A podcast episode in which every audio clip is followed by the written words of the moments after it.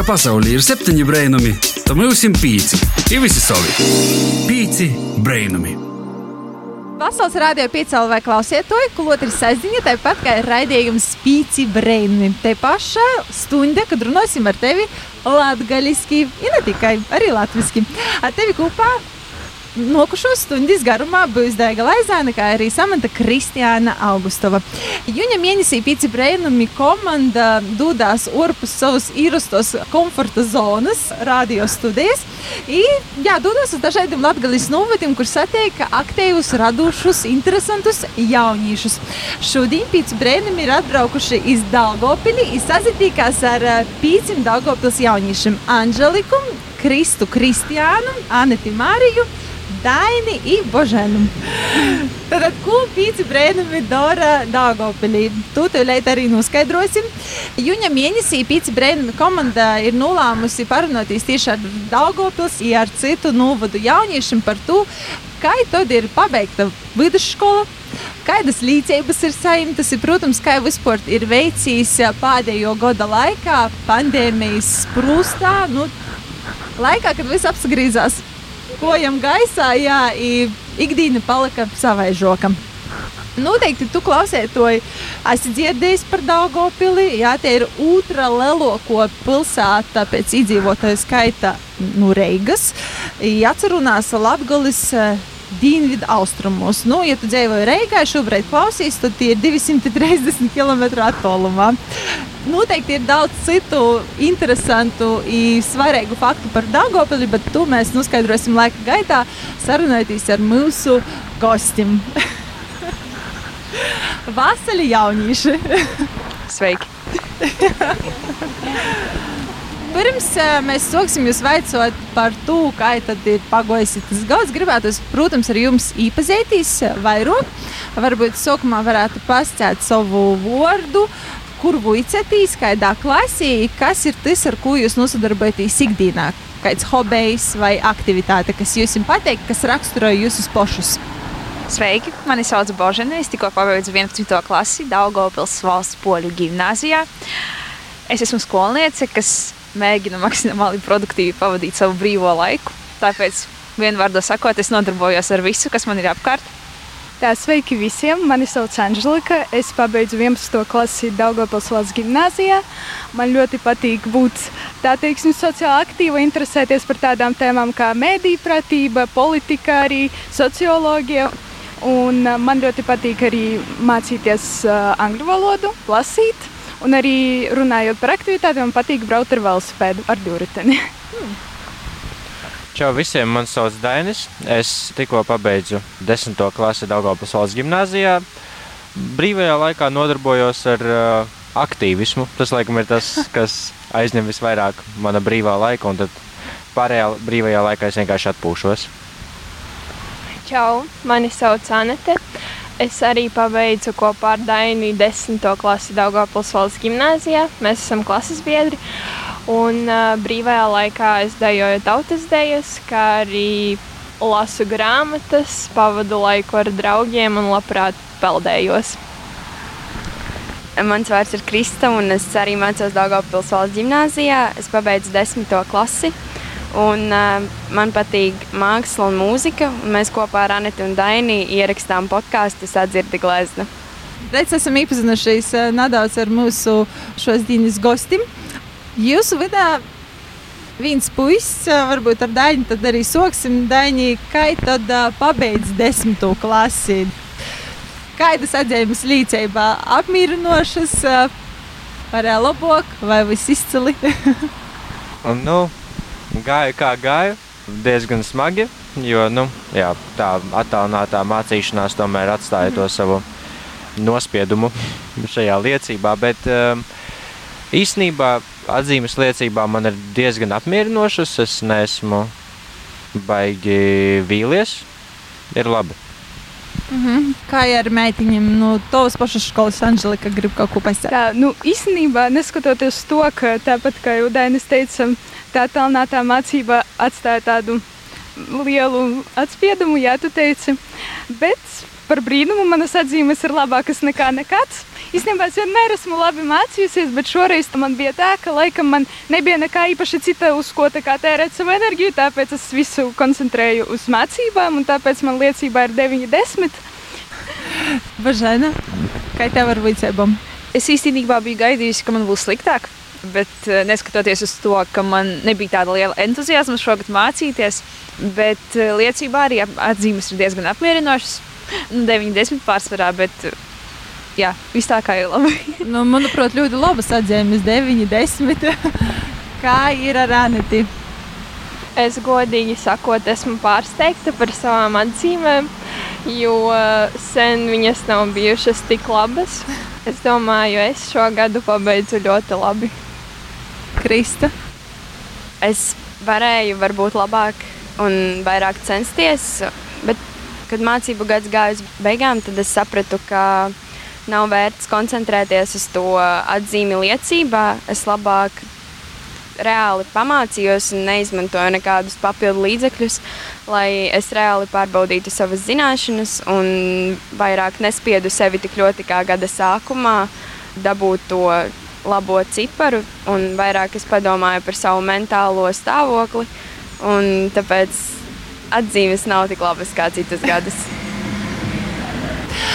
Bet īstenībā jūsu atbildes ļoti līdzīgas ir tam, ko esam dzirdējuši arī Viljānos, Prēļos. Itamā gadā ir atzīmes paaugstinošas, jo bija vairāk laika tīša vicībām, nebija papildus aktivitāšu, ar ko nozadarboties varbūt pēc skolas, bet to visa uzmanība tika veltīta vairāk vicībām. Tā kā skolas laiks ir beidzies, vasara jau laiciņi ir sokusīs. Cik aktuāls jums ir vasaras darbs vai arī brīvprātīgo darbība Daugopilī? Man šodien bija pirmā darba diena manā vasaras darbā. Jā, tas ir Daugopils domes piedāvātās vakances uz divām nedēļām. Tāpēc man liekas, ka mūsu starpā tas ir ļoti aktuāli, jo kurš negrib dabūt savu papildus kabatas naudu, mm -hmm. mazliet pastrādājot, padarot labas lietas. Man savukārt vakar bija pēdējā darba diena, un es vakar jau saņēmu algu. Tā kā mana vasara tieši šodien arī sākās.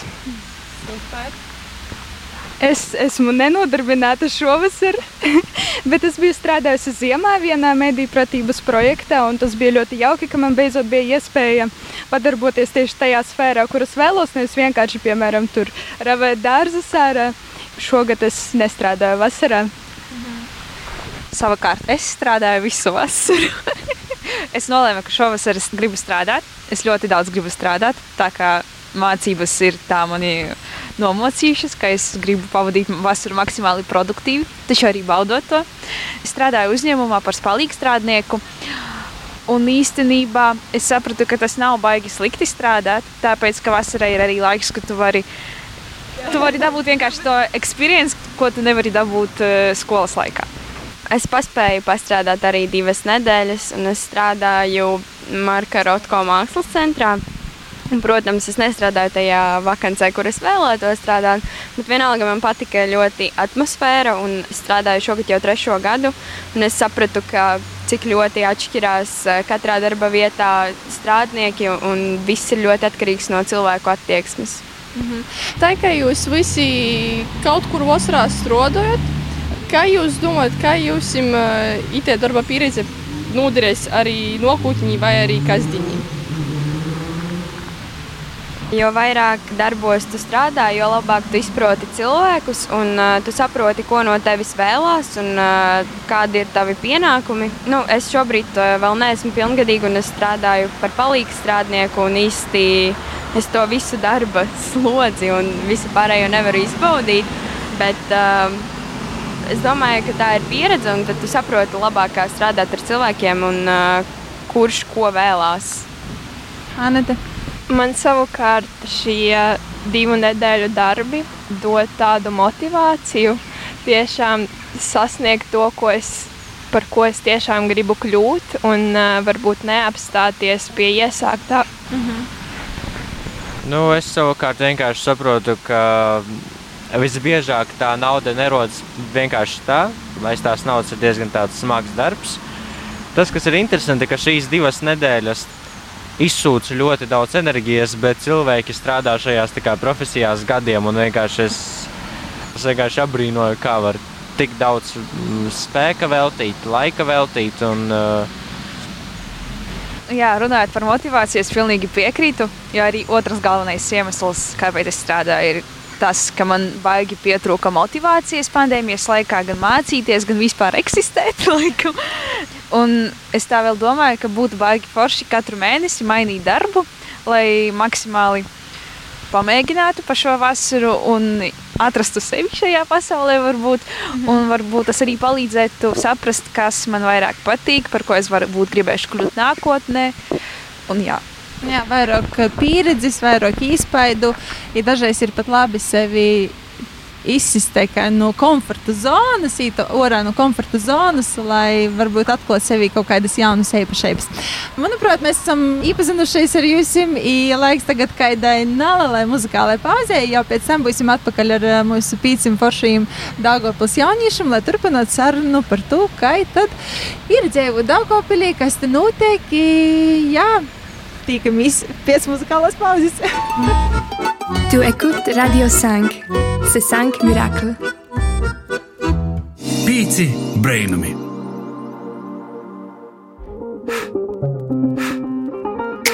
आप लोग सुन रहे हैं पांच खूबसूरत रेडियो पांच Pīci brainami. Vasaras radio pīcis klausītājs sazdiņa atkal ir klot, ir raidījums pīcis brēnumi, kā vienmēr, namīgi skaņ, i tevi priecē ar sarunām par jauniešiem aktuālam tēmam. Šodien pīci brendumi komanda As Samantā un Daiga ir atbraukuši iz Daugopili, kur sazatikamies ar pīcim aktīvim, apjēmīgiem radošiem jauniešiem - Anželiku, Kristu Kristiānu, Aneti Mariju, Daini un Božanu. Šobrīd mēs atceramies Daugopils centrā, Dubrovina parkā. Nu, ja kāds nezina, kur tas ir, tas ir starp Reigas teātra parādās Daugopils īlu. Kā es to stam mūsu Wikipēdijā vai mama Wikipēdijā, tad parks tika īrēkots pirms vairāk kā 100 gadiem, 1882. gadā. Ja nu kāds atcerēsies tos ciparus par gūdu Pāvalam Dobrovinam, kurš bija timā laikā pilsētas mārs. Hmm. Nu, jā, skaista vieta ar lielu strilklaku, kuru iespējams tu klausies, to šobrīd arī dzirdi fonā mazliet. I, jā, itu parku esnībā izsacēja mūsu vīna nu, šos dienas gostim Anželika, kurai es zvanīju, iesacīju ziņu, ir tāds Brovina parks, kur varētu sazatikties, papļopot visam, visam kopā itamā laikā. Nu, te nu mēs esam nonākuši. Kā ir jūsim, vai šeit ir te vieta, kur jūsim pateik atsapūstīs, atnākt brīvajā laikā, vai tomēr ite ir vairāk tāda turistu vieta? Mana vismīļākā vieta Daugopilī ir laikam cietoksnis, jo es tur dzīvoju pavisam blakus. Uh, Un, e, tā ir tiešām tā visforšākā vieta, kur pavisam nav daudz cilvēku. Mm -hmm. Un e, var forši pastaigāties pa ieliņām ar interesantiem nosaukumiem. Un tas tiešām ļoti tā atmosfēra kaut kādu piešķir.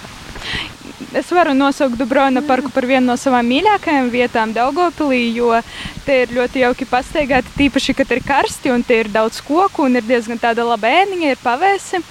Un mēs nesen ar draugu gājām tādu kā mini pikniku uztaisījām. Un tas bija ļoti jauki, jo te tu it kā nejūties kā pašā pilsētas centrā, it kā drusku tālāk. Un, jā, šī vieta noteikti ir viena no manām mīļākajām. Šī varētu būt visbiežāk apmeklētākā vieta, jo viens no punktiem, kur es nāku, tas ir šis parks. Un uh, vēl piebilstot, ka nu, par mācībām es šeit pat zūmus esmu klausījusies. Kā jau mēs agrāk pieminējām, Daugopils ir otro lielāko pilsēta Latvijā. Kā otrā lielākā pilsētā Latvijā, vai jauniešiem Daugopilī tiek pīdavots viss nepieciešamais, lai sevi attīstītu? Piemēram, Viljānu jaunieši sacīja, ka trūkst papildus nodarbību, piemēram, pulciņu. Manuprāt, pulciņu ir ļoti daudz, bet apmeklētāju ir maz. Es nezinu īstenībā, ar ko nodarbojas lielākā daļa jauniešu, kuri dzīvo šajā pilsētā, bet nu, es varu spriest pēc savas skolas, ka mums ir ļoti daudz pulciņa, bet uh, tieši gribētāju tiešām nav daudz. Līdz ar to visur ir iespējas, un tu vari pamēģināt sevi dažādās jomās. Es piekritīšu Kristai šeit. Tiešām, ja jaunietis vēlas, ir daudz iespēju. Ja tu vēlies, tu atradīsi. Arī es pati dejoju tautas dejas, tā kā es domāju, var atrast, ar ko nodarboties. Nu, mums, kā lielai pilsētai, ir tā privilēģija, ka mums ir gan uh, universitāte, gan arī nu, mākslas vidusskola, gan dažādi tehnikumi un milzīga vidusskola izvēle arī. Bet um, kaut kas šeit tomēr trūks, lai būtu pilnībā pārliecinātam, ka jaunieši šeit vēlēsies palikt. Un man nav ne jausmas, kas ir tā lieta, kas trūkst. Godīgi, es nesaprotu. Un, bet kādam nu, ļoti gudram cilvēkam būtu tas jāsāk saprast, un tā kā kaut kā jāuzzina, jāatmin, kas tas ir. Man ir milzīgas šaubas, ka jaunai pilsētas vadībai būs idejas, kā šo risināt. Dainis bija pateicis par to, ka viņš nesaprot, ko tad īsti vajag mūsu pilsētā, lai tā labāk attīstītos tieši jauniešiem par labu.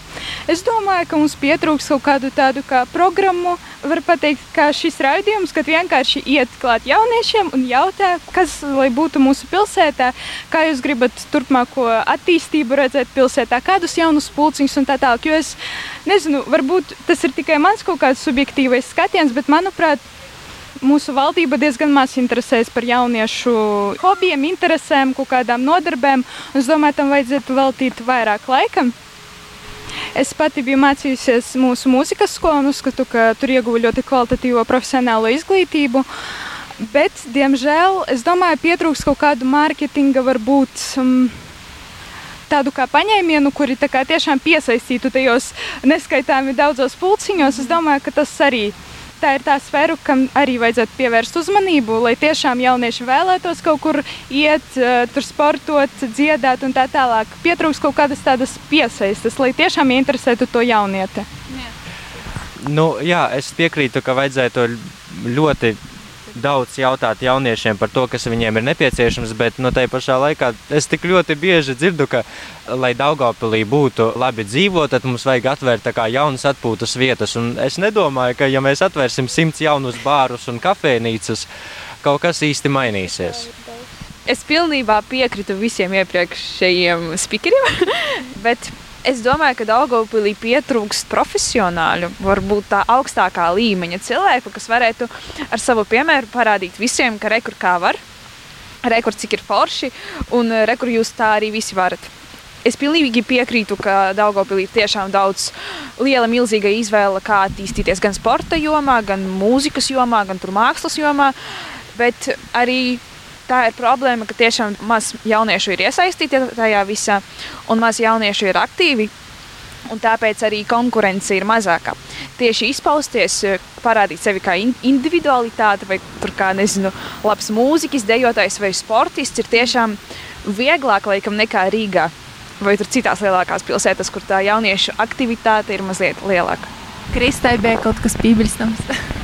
Un runājot par cilvēkiem, kas vada tos pulciņus, pasākumus un uh, visu pārējo, personīgi es varu teikt, ka ir konservatīvisma problēma, jo, kad tu atnāc uz kaut kādu vietu, kur tu vēlies darīt kaut ko, nu, pieņemsim, kreatīvu, ir šī attieksme no pasniedzēja puses, ka tu esi kaut kas mazāks un ka šis cilvēks ir burtiski visa pasaule. Un tā attieksme, ko tu jūti, kas nāk no šī cilvēka, ļoti ietekmē tavu vēlmi darboties. Un tad, kad tu saproti, ka tu esi nekas, pazūd arī šī motivācija. Un varbūt tad, runājot par tiem profesionāļiem, gribētos cilvēkus, ar kuriem vienkārši atnāc, iepazīsties. Un attiecības tev ir kā ar draugiem, nevis kā ar uh, nu, augstāk stāvošu. Jā, jā, jā. Īstenībā, jā, mēs vecojam par puķiņiem, bet aizkadrā jūs jau arī minējat, ka daudz no jums gribētu braukt Vuicētīs, piemēram, uz Reigu vai uz Orzemiem. Jā, kā ir ar to pašu skolas universitātes izvēli? Runājot par Daugavpils universitāti, es neteiktu, ka viņa vispār ir slikta. Daugavpils universitātē tiešām strādā ļoti daudz foršu profesionāļu un uh, zinošu cilvēku. Tas, kādā jomā Daugavpils universitāte no gada gadā zaudē, ir uh, mārketings. Viņi neprot piesaistīt sev jaunus studentus. Un uh, arī lieta tāda, ka, ja uzbūvēt uh, veiksmīgu mārketingu jebkurai universitātei, tad tai kampaņai jāilgst daudzus gadus, lai, piemēram, esošie sestklasnieki vai septīklasnieki redzētu, o, Daugopils universitāte, un pēc sešiem gadiem, piemēram, pieņemtu lēmumu studēt šeit. Mm. Tāpēc tas ir ilgs process, un nu, šogad, es redzēju Daugopils universitātes reklāmas, viņas ir diezgan foršas. Bet es ceru, ka viņi turpinās tā arī tālāk. Bet nu, es pats gribētu pamācīties ārzemēs, jo es vienkārši gribu gūt to citas kultūras pieredzi, bet ne tāpēc, ka man nepatiktu izglītība Latvijā. -hmm. Jā, es Anželika. pilnīgi piekrītu Danim par to, ko viņš teica par mūsu Daugopils universitāti. Es pati esmu piedalījusies zinātniskās pētniecības darbu konferencē, un savukārt man bija tā iespēja nedaudz pakontaktēties ar tiem profesoriem. Es uzskatu, ka tie ir ļoti jauki un savā ziņā profesionāli, protams, cilvēki. Bet arī Krista, kad bija runājusi par to konservatīvismu mūsu pilsētā, es domāju, ka arī daudzās mūsu fakultātēs iespējams pietrūks kaut kādu inovatīvāku progresīvāku veidu, kā mācīt, ko mācīt arī. Tāpēc jā, es arī vēlētos pamācīties ārzemēs un iegūt to arī jaunas kultūras pieredzi, iepazīties ar pavisam citiem cilvēkiem, ar citu mentalitāti un arī to veidu, kā pasniedz man to informāciju, pavisam pamainīt un redzēt, kā tas var notikt savādāk, mm -hmm. citādāk. Es atceros, ka es divus gadus iepriekš biju vēl pilnīgi pārliecināta, ka es gribu gan dzīvot, gan mācīties Rīgā un ka Daugopilī es nekad eh, savā dzīvē vairs nedzīvošu. Taču es tā padomāju, ka visdrīzamāk ir jāpaliek šeit un jāmaina kaut kas pašiem, nekā atgriezties šeit tikai tad, kad būs labāk, kad, Jā. kad, kad kāds to izdarīs mūsu vietā. Un par izglītību runājot, es domāju, ka vai nu es studēšu Rīgā vai no ārzemēs. Arvien biežāk tiek uzsvērts, ka tieši jaunieši ir pormaiņu virzētoji. Šobrīd tas, kas tiek maņāts pasaulē, piemēram, Friday for Future, kuru pamatā ir izveidojusies no Grētas Thunbergas aktivitātēm vai Black Lives Matter. Tas viss ir pamatā no jauniešu iniciatīvas. Daudz ko globāli, sociāli var tieši mainīt paši jaunieši. Vai jūs uh, jūtat, ka jums ir spēks kaut ko mainīt vidē, kurā jūs atceraties? Uh...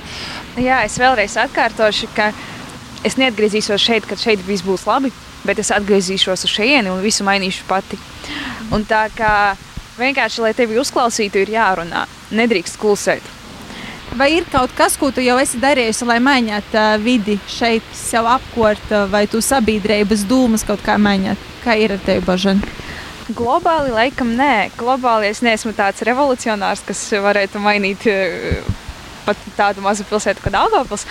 Bet nu, es mēģinu ar saviem kaut kādiem darbiem, vai iesaistēm kaut kādos projektos, vai pasākumos. Es mēģinu parādīt gan saviem draugiem, gan savam paziņu lokam, ka šeit viss ir forši, šeit ir daudz foršu pasākumu, šeit ir daudz foršu projektu, un arī var forši pavadīt laiku. Mhm.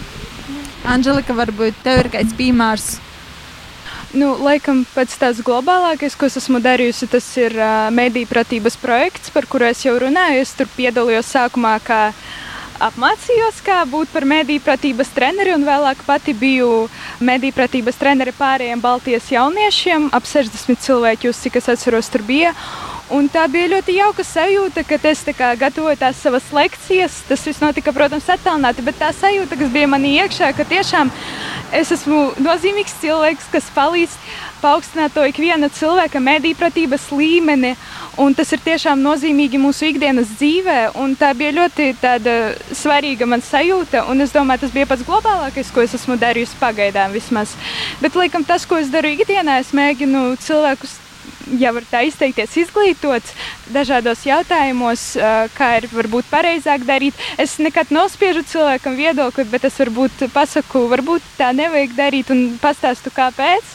Un tad cilvēks pats izlem, bet es domāju, tas arī ir tāds kā mans maziņš pienesums, lai padarītu mūsu pasauli labāku. Mhm. Daini. Nu, es darbojos NVO, un es uh, arī esmu strādājis ar dažām politiskajām kampaņām. Uh, Tāpēc, nu, es cenšos kaut ko mainīt. mm, Gan Daugopilī, gan Latvijā, arī Latgalē. Anite, kas tev ir sakums? Nu, kā saka, ir jāsāk ar sevi. Tāpēc es pagaidām šobrīd vēl globāli neko neesmu mēģinājusi, bet uh, es sāku mainīties ģimenē.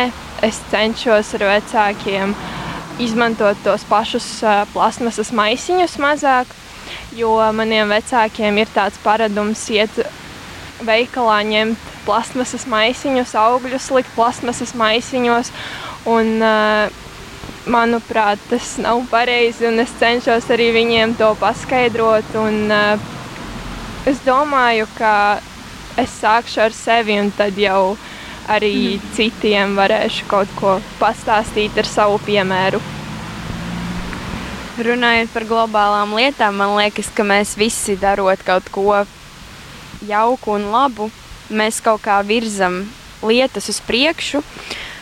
Es konkrēti nevaru neko pateikt. Es varu piekrist Anģelikai un Anetei par to, ka, ja es pati zinu kaut ko par kādu tēmu, par to pašu atkritumu šķirošanu vai kādām citām sociālajām tēmām, tad es cenšos izglītot nu, pirmkārt jau savus vecākus, lai viņi arī saprot, ka tas ir svarīgi. Un, ja problēma neskar tevi konkrēti, šī problēma tomēr pastāv.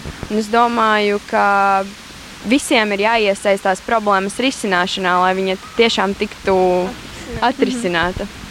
Runājot par to, kur jaunieši iegūst informāciju par to, kas notiek pilsētā, kas notiek vispār pasaulē, kas ir tie avoti, kurus jūs izmantojat kasdienā, internets, grāmatas, varbūt vai kāda tante sacīja, draudziņa kaut ko pastāstīja, kur jūs gūstat nu, svarīgāko informāciju? Personīgi es īpaši pēdējā laikā ļoti bieži sāku apskatīt Facebook, jo arī Daugopils šobrīd iet uz Eiropas galvaspilsētas titulu.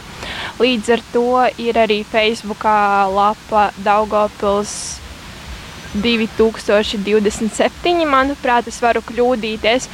Un arī vienkārši lapa Daugopils pilsēta, kur regulāri parādās informācija par pilsētas svētkiem, pasākumiem, cilvēkiem. Arī tiek runāts piemēram par kopīgo valodu, kas ir kopīgā valoda, tiek intervēti cilvēki. Es ikvienam iesaku ieskatīties Facebook, jo tur tiešām var atrast informāciju. Es esmu parasti tas cilvēks, no kura uzzina informāciju. Tāpēc uh, es nezinu, cik uh, tieši ziņu portāliem es sekoju, bet nu, tas ir tāds normāls cipars, laikam, skaitlis gan nebūs. Anģelika runā, ka ir pasniegusi mediju pratību. Tev iespējams plašāks skats par to. Nu, īstenībā man tiešām arī ļoti daudz dažādu mēdīju un sociālos tīklos, daudz dažādu profilu, no kuriem es iegūstu to, tās jaunākās ziņas, informāciju. Man arī ļoti patīk podkāsti, lai uzzinātu jaunākās lietas. Jo man patīk arī podkāstos tieši tas, ka tur ne tikai uzraksta, kas noticis, bet arī varbūt apspriež ar kādu profesionāli. Un tā tālāk tas arī ļoti nodara, lai apturtu to visu situāciju pilnībā. Un, uh, no Latvijas mēdījiem laikam man visvairāk piesaista LSM. Jo tur es uzskatu, ka ir visticamākā informācija un visobjektīvākā, bet no globālākiem tādiem mēdījiem laikam es varētu izcelt BBC un New York Times. Ja es gribu apskatīt kaut ko tādu globālāku, tad tas laikam vērsīšos turieni. Ja Kā ir tieši ar Dāngopils ziņām? Piemēram, Anita minēja par Facebook, ja jūs zināt tieši tur kultūras jaunumus. Varbūt Božana, tu vari atbildēt, kur tu uzzini jaunumus par Dāngopili? Piemēram, ka ir mainījies Dāngopils mērs. Jā, es tieši gribēju teikt īstenībā par to, kur es uzzinu visus, visas informācijas par Daugopili. Man baigi patīk tā ideja, ka mūsu Daugopils pilsētas mēri sāka attīstīt savos sociālos tīklus. Un man patīk lasīt gan Andreja Alksnija dažādus tur tos postus Instagramā, gan Facebookā, vai tur Igora Prelatova iepriekšējā mēra arī kaut kādu informāciju Jā. Bet um, es varētu izcelt no Daugopils tieši medijiem Čaika LV, varbūt jūs zinat tādu portālu. tur ļoti daudz uh, foršas, derīgas informācijas un aktuālo ziņu. Un tas, laikam, arī viss, nu, ko, ko tieši es lasu un kam sekoju. Jā. Bet uh, tas, ko es sapratu arī no tevis, ka, ja tu gribi kaut ko uzzināt par, uh, kā vairāk par Dāngopili, par konkrētiem cilvēkiem, tu vienkārši apseverīsi jūsu profilus. jā, jo, jā, tieši tā. Jūs ar vienu aktīvāki. Super. Laiks tagad kaidai nelielai muzikālai pauzē, jau pēc tam būsim atpakaļ ar uh, mūsu pīcim foršajiem Dāngopils jauniešiem, lai turpinātu sarunu. Pīci brēnumi!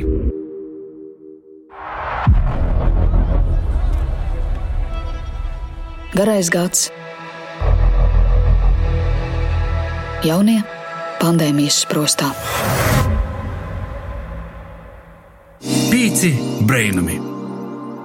Čau, pīci brīnumu klausītāji! Esam atpakaļ Radio 5LV Viļņos, nu, muzikālos pauzes. Šodien pīci brīnumu komanda viesojās otrajā lielākajā pilsētā Latvijā. Uzminiet, kas te tāda ir? Dāngopils, protams. pīci brīnumiem šodien ir piesavienojušies arī pīci forši jaunieši. I mēs šobrīd atceramies Dobrovina parkā. Viens no šmukākajiem parkiem laikam Daugopilī. Iespējams, tu klausieties, šobrīd dzirdi fonā kādus putniņus, čivanojot, jūdiņš šalkas, kā arī kādu mašīnu pabraucot garām. Tas ir tādēļ, ka mēs atceramies Daugopilī parkā pie lielos 12 metru augstos strūklakas. Tagad mēs gribam vairāk parunāt par uh, Covid-19 laiku, pandēmiju, I kāja ir skorusi jūsu kasdīņi, nodarbīs līdzības procesu un arī pašu draudzību. Cik ļoti jūs ietekmē pandēmija un kā tas laiks pagoja jūsu vidā? Tā, nu īstenībā var sadalīt šo laika posmu pandēmijas uz divām daļām - labā ietekme un sliktā. Es laikam sākšu no labā, jo Pandēmijas laikā es tieši laikam arī sāku visdziļāk un visvairāk interesēties par dažādām sociālām tēmām, par arī mediju pratību, par politiku arī, par kuru es nekad nebiju interesējies. Es vispār biju ļoti tālu no tā.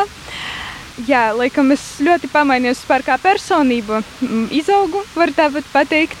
Bet runājot par negatīviem momentiem, laikam šis mācību gads bija viens no sarežģītākajiem, jo viss bija pavisam jauns Un, uh, pirmkārt, bija ļoti sarežģīti pierast, ka tev nav tās klātienes komunikācijas ar cilvēkiem, ar saviem klases biedriem. Jūs nevarat starpbrīžos satikties, tur parunāt par kaut ko un tā tālāk. Jums tikai ir, piemēram, WhatsApp, un tas ir viss, kādā veidā jūs komunicējat, diemžēl. Un otrkārt, arī bija sarežģīti pieņemt to, ka tava dzīve pārvērtās par tādu kā rutīnu, ka katru dienu tu pamosties tur 5 minūtes pirms stundas. Un tāds uh, miegains vēl mēģini kaut ko sākt darīt, mācīties. Un tev ir jāpieņem to faktu, ka savā istabā tu gan mācies, gan guli, gan atpūties. Un, man liekas, tā ir tāda kā smadziņu mānīšana, jo smadzenes nesaprot, kā tas tā notiek, ka tev vienā telpā vajag mācīties, gulēt un to visu darīt vienā telpā. Jā, un mentāli bija sarežģīti arī tas, ka skolotāji diezgan daudz uzdeva. Varbūt viņiem šķita, ka viņi pa nedaudz mums uzdot un ka mums ir diezgan maz jādara. Viņi varbūt arī dažreiz mums mazāk kaut ko uzdod, bet kopumā, kad to visu kopā saliec, tos visus neskaitām daudzus priekšmetus, sanāk ļoti daudz. Un bija ļoti sarežģīti, bet jau uz mācību gada beigām jau kaut kā sāki izvēlēties, ko tev ir kā, jāpapilda, ko varbūt atstāt, nu, tā kā uz vienkārši izpildīt uh, lai, lai būtu izpildīts, baigi neiedziļināties, jo savādāk mentālā veselība vispār būtu kaut kur ļoti dziļi slikti aizgājusi. Jā. Nu, tā. Tad uh, grūšākais priekš tevis bija tieši tā sajūta, ka tu esi četros sīnās, ka viss notiek vienā vidē. Jā? Jā, īstenībā tas un arī komunikācijas trūkums, kā jau minēju, tā mm. reālā komunikācija. Uh, It kā sākumā man patika, ka jā, es tāds varbūt kā vairāk introverts varu pavadīt laiku ar sevi, bet tas bija tikai pirmais mēnesis. Vēlāk bija ļoti sarežģīti. Jā. Daini, kas tev ir sakums? Milzīgākā problēma, kas man ļoti sāp, ir uh, tas fakts, ka ir pagājis vesels mācību gads, un es nepazīstu savu klasi. Es pazīstu Kristu, Aneti, vēl citus manus bijušos klasbiedrus, kas arī tagad mācās ar mani vienā klasē un dažus jaunos klases biedrus, bet mūsu klasē ir pāri 30 cilvēki. Tāpēc tas ir šausmīgi skumji, ka mēs pazaudējām to vienu socializācijas gadu, kad mēs varējām reāli iepazīties un uh, būt vairāk um, labāka, veiksmīgāka komanda, jo šobrīd nu, man tā komandas izjūta ļoti, ļoti, ļoti pietrūkst. Un um, arī, protams, ka mentālā veselība, kura man nebija spīdoša arī līdz pandēmijai, pandēmija iesta diezgan sāpīgi. Un, uh, nu, šis bija kaut kādā veidā jāpārcieš. Anita. Viens no lielākajiem pandēmijas plusiem bija tāds, ka es beidzot izgulējos. Un es tiešām varēju, kā Anģelika jau teica, piecas minūtes pirms stundas piecelties, aiziet līdz galdam un jau būt stundā. Man šajā gadā ļoti pietrūka komunikācijas, bet es sāku vairāk komunicēt, runāt ar saviem vecākiem un meklēt veidus, kā mēs varam brīvdienās iziet no mājas visi kopā, varbūt ar mašīnu doties kādu dabas objektu Latgalē apskatīt. Bija, protams, gan plusi, gan mīnusi, bet uh, jā, es sāku vairāk apskatīt tieši to, kas man ir apkārt. Mācīties arī bija grūti, bet uh, man ir paveicies, ka man spēja palīdzēt gan mana māsa, gan vecāki. Tāpēc es domāju, man tas bija vieglāk nekā citiem skolēniem, bet uh, nu, kopumā bija tīri neko. Krista. Man šis gads ļoti nepatika, un varbūt es to sāku apzināties tikai tagad, jo tad, kad uh, bija tas moments ziemā, kad es dzīvoju visu laiku vienu un to pašu dienu, tikai vairākas reizes, tad es kaut kurā brīdī vispār beidzu analizēt, kas notiek, tāpēc ka es sapratu, ka es nevaru izrauties un es nevaru neko mainīt, jo no manis nu, nekas nav atkarīgs. Tāpēc es vienkārši beidzu par to domāt, un tā ieslēdzās tāds kaut kāds automātiskais režīms, ka tu dari visu to pašu katru dienu, tikai tu nesaproti, kas notiek. Un uh, par mācībām ir tieši tāpat. Tev ir kaut kāds darbs un termiņš, tad tu izdari to, un tad tev ir vēl uzkrīt desmit darbi. Tev liekas, ka, nu, rekur, rekur es redzu tās beigas, rekur es redzu tos izpildītos darbus, un jau visu nododu, un tad ir atkal jauns darbs. Un, kā teica Dainis par klases biedriem, es nepazīstu tiešām lielāko daļu. Un, ja Anģelikai ir kaut kāda komunikācija WhatsApp, tad pat WhatsApp grupā mums bija tā, ka tu varēji tur lūgt palīdzību vai vispār kaut ko uzrakstīt, un bija klusums. Es īstenībā nezinu, kāpēc, vai visi bija tik kautrīgi vai kāpēc, bet nu, bija tā vientuļā sajūta, ka tu sēdi mājās Un tu domā, ka tas viss sliktais notiek tikai ar tevi un ka tev nav nekā kam prasīt palīdzību, un mm -hmm. tas bija briesmīgi. Īstenībā pirmais tas pandēmijas vilnis priekš manis pagāja baigi forši. Es biju baigi priecīga, jo es jūtos šausmīgi nogurus, īpaši tas marts bija. Un tas trakais moments, kad tu izēji no mājām septiņos no rīta un atgriezies tikai desmitos vakarā pēc visām savām padarītām lietām, nu, tas bija mazliet traki un tā kā varbūt arī nepareizi. Tāpēc es vienkārši kaifoju visu to pavasari un vasaru. Maksimāli neproduktīvi pavadīju laiku, bet, kad sākās jau otrais vilnis, tas rudens beigas un ziema, man laikam pietrūka vitamīna D, bet es jūtos pavisam depresīvi un tiešām vientuļi. Galvenais tāpēc, ka pietrūka komunikācijas, pietrūka cilvēku apkārt, nebija saulītes ārā, un tā kā pavisam nebija tu nezini, ko gaidīt vienkārši, kad tas viss atnāks un beigsies. Un, jā, tāpēc, jā. Tu minēji vārdu depresija. Kas bija tie cilvēki vai lietas, kas tomēr palīdzēja tikt vaļā no depresijas, vai depresija joprojām ir klotami? Es teiktu un ieteiktu visiem jauniešiem, ka vitamīni ir ļoti svarīgi. Vajag rūpēties par sevi, par savu uzturu un par savu dzīvesveidu. Mm. Un, prasīt palīdzību, ja tā ir nepieciešama. Es sapratu, kas ir depresija tikai tad, kad viņa pie manis atnāca. Tas bija rudens, un es eh, un tiešām, kad sākumā dzirdi, ka visi saka tā. Jocīgi, ah, man ir depresija, es neko negribu darīt, vai man tur ir skumji. Tā nav depresija. Depresija ir tiešām, ka tev ir slikti. Un, uh, vienīgais veids, kā no tā izvairīties, ir jāprasa palīdzība vai nu ārstiem, vai nu psihologiem. Bet man tieši laikam palīdzēja draudzība, un ka man baigi paveicās ar draugiem. Tas ilga ne vairāk par divām nedēļām, un tiešām mani draugi baigi izglāba no tā visa stāvokļa, ka tas nepagāja tik grūti, kā mhm. varētu mm būt. Ir atšķirība starp depresiju un depresīvo stāvokli kā es pēc savas pieredzes sapratu, ka depresīvam stāvoklim var palīdzēt draugi, aktivitātes, sports, vitamīni. Bet, kad tev ir reāli depresija, nu, tā ir reāla slimība, un kas bieži vien cilvēki to nesaprot, ka tā ir reāla slimība. Un, uh, tad noteikti ir vajadzīga palīdzība, jo cilvēks šajā periodā vairs nevar pats sev palīdzēt.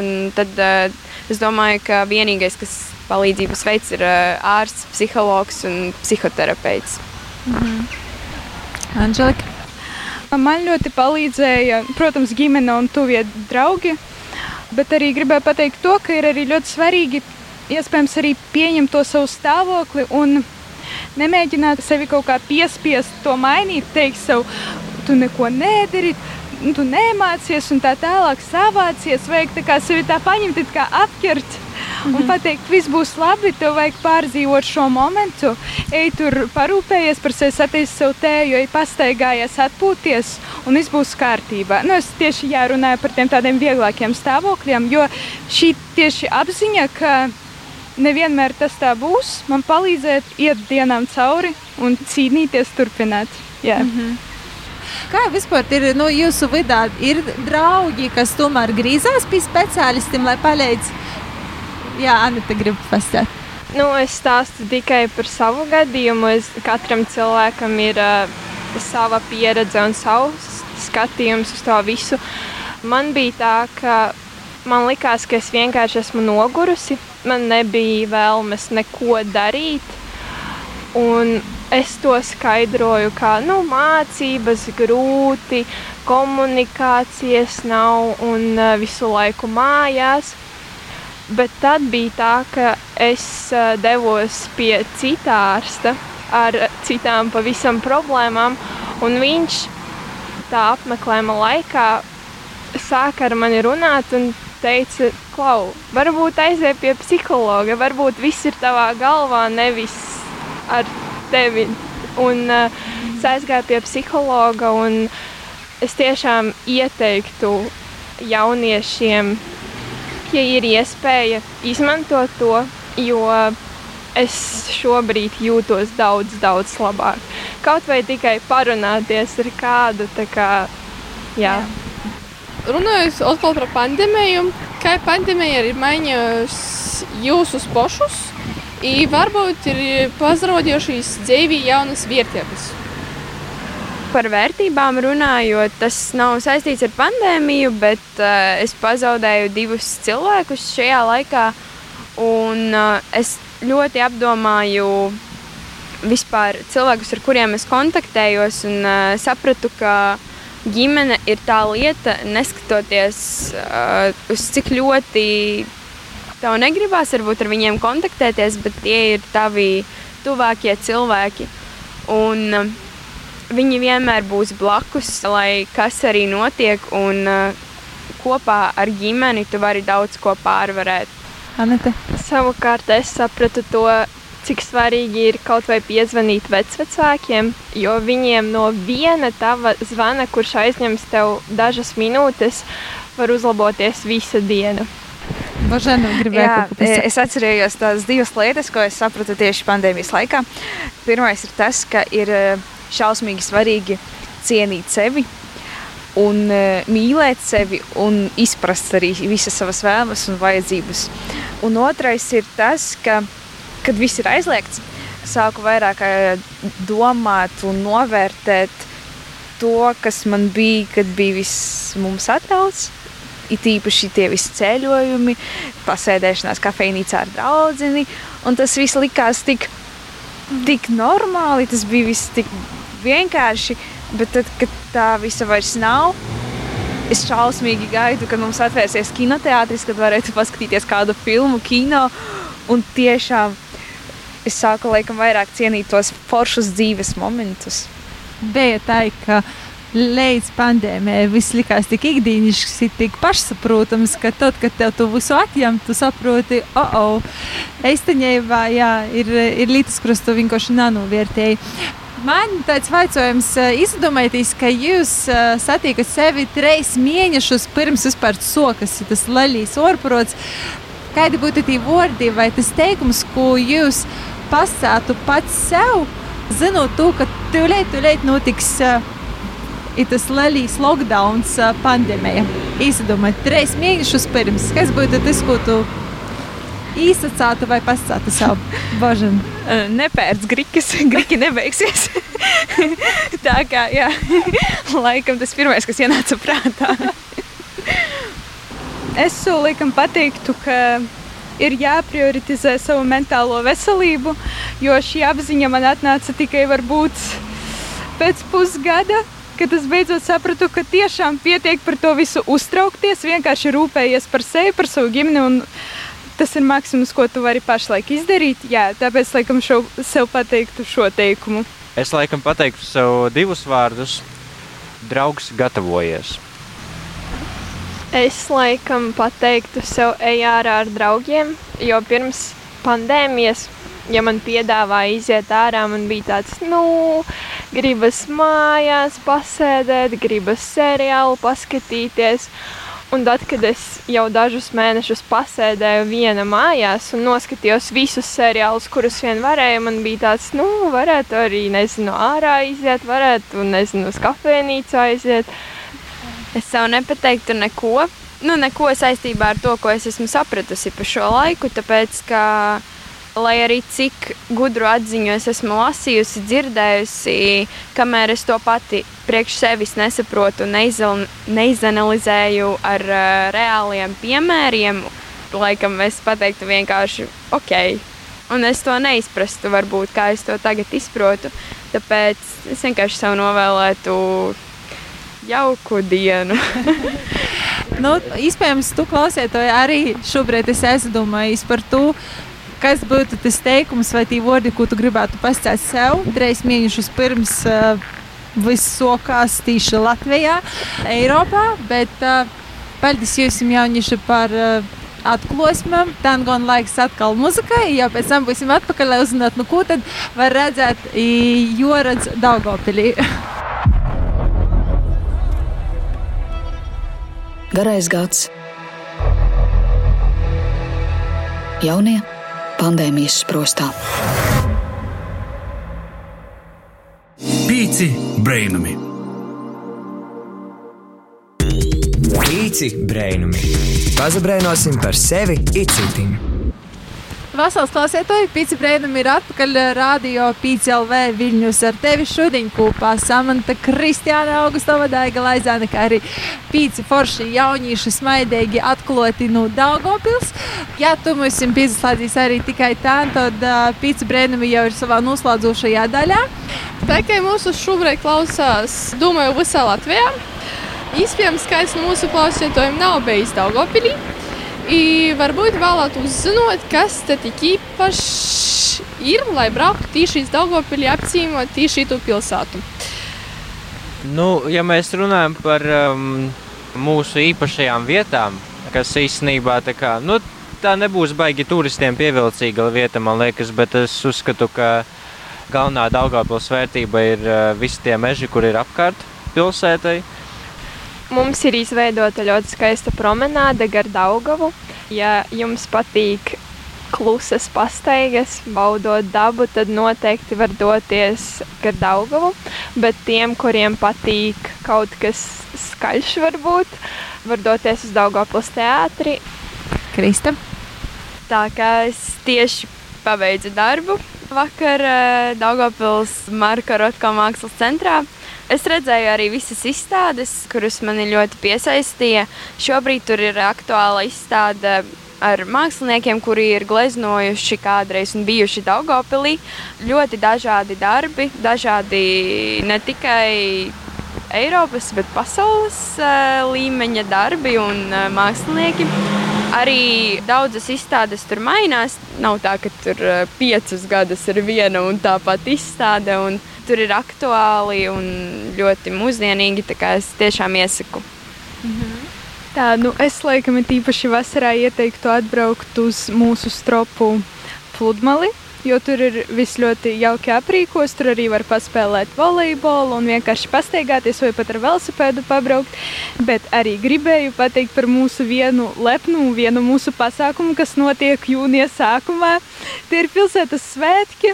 Diemžēl sakarā ar pandēmiju ne pagājušo gadu, ne šogad tas nenotiek pierastā veidā, bet kad beigsies pandēmija, ikvienam cilvēkam Latvijā ir jāatbrauc uz mūsu pilsētas svētkiem, kuri ilgst divas, trīs dienas, ja es nekļūdos. Trīs, trīs, vispār, jā, nedēļu var teikt, tāpēc brauciet droši uz nedēļu. Tā atmosfēra, kas valda pie mums, ka ielas beidzot ir piepildītas, ka ir redzama tā pilsētas dzīve. Mhm. Tā ir mana mīļākā atmosfēra, tāpēc noteikti iesaku ikvienam Latvijas iedzīvotājam atbraukt pie mums. Tu īsi minējies par pilsētas svētkiem, bet šodien, 19. jūnijā, ir arī Dārgopils pilsētas svētki, bet tikai citā veidā, vairāk digitāli. Kas ir tas, ko vēl mēs varam paspēt apskatīt, apmeklēt? Jā, uz cik es zinu, te tieši Dubrovina parkā būs muzikālais vakars. Es neatceros, kurā tieši datumā. Muzikālā struktūra, kas arī, bet uz cik zinu, arī būs kaut kādi muzikanti, būs uzstādīta tāda kā skatuve. Tam vajadzētu būt jauki. Bet noteikti nākošais gads, kad viss būs kārtībā, viss būs normālos slīdēs, tad noteikti ir jābūt tevis pilsētas svētkiem, lai izbaudītu visu to pilnu krošņumu. Pažēna, kas ir tas, kas ir jūras Daugopilī? Nu, es nezinu, vai būs jautājums par tieši tiem pasākumiem vai svētkiem, bet mani mīļākie svētki, laikam, tieši mūsu pilsētā ir Rīgas ielas svētki. Tie notiek septembra sākumā, varbūt vai tur otrajā nedēļā. Un man baigi patīk tā atmosfēra, kas notiek visā Rīgas ielā. Atbrauc dažādi mākslinieki, notiek kaut kādi orķestra koncerti vai dziedātāju koncerti. Jā, un otrais pasākums ir Tas ir kā projekts, laikam, kas notiek vasarā. Tas ir muzikālas sestdienas Dubrovina parkā. Un tas ir baigi forši, ka tu vienkārši vari pastaigāties sestdienā šeit. Un šeit kaut kāds orķestris vai no ansamblis vai no koris varbūt spēlē mūziku. Un tas arī forši. Tātad Dāngopilī noteikti jūras mežs, kas apliek Dāngopilim. Jotrūc jau kāda vīta pie, jā, pie kāda kūka, jozjam labāko enerģiju. Noteikti jododas uz Dāngopils promenādi, tāpat Rotko centru. I, protams, visi pasākumi, kas tiek reikoti Dāngopilī, ir vērti, lai tos redzētu, braukt no tos pašus līpos vai Ventspils uz Latgaļas austrumiem. Paldies jums vispār par sarunu. Jūs tiešām brīnīgi jaunieši no Daugopils. Bija prieks jūs satikt, apsarunāties. Es domāju, ka Itē nebija pirmo un pēdējo sarunu, kura mums ir bijusi kopā. Noteikti gribēsim jūs satikt arī pēc kāda laika, lai vispār uzzinot, kā tad ir pagojusi vasara, kas ir labs sadarēts vasarā. I, jā, pazdalāsieties ar to, kas notiek jūsu dzīvē pēc kāda laika teiksim, arī tev, klausītāji, paldies, ka klausījāties. Mēs tiksimies jau pēc nedēļas jaunā pīcis brēnuma raidījumā, kurš skaņies garajos liegu brēviņos. Tu vari mums sekot sociālos tīklos, taidos kā Instagram, TikTok, Latvijas radio Facebook lapā. Ja tu raidījumu izslēdzi tikai tagad, tad atcerīs digitāli mēs esam sastopami arī podkāstos Spotify. Mhm.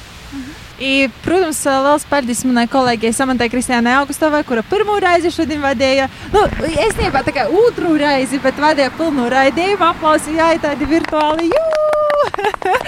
Ar tevi kopā bija arī Daiga Laizēna, mūsu aizkadra cilvēks Renāta Lazdiņa, kā arī Inns Salmiņš, protams, mūsu forši pīci jaunieši nu Daugavpils. Uz tikšanos jau par nedēļai, i lai forša sestdiņa. Čau, tā! Ko gaidi nu dabasim brēnuma? Pats esi brēnums! Pīci brēnumi!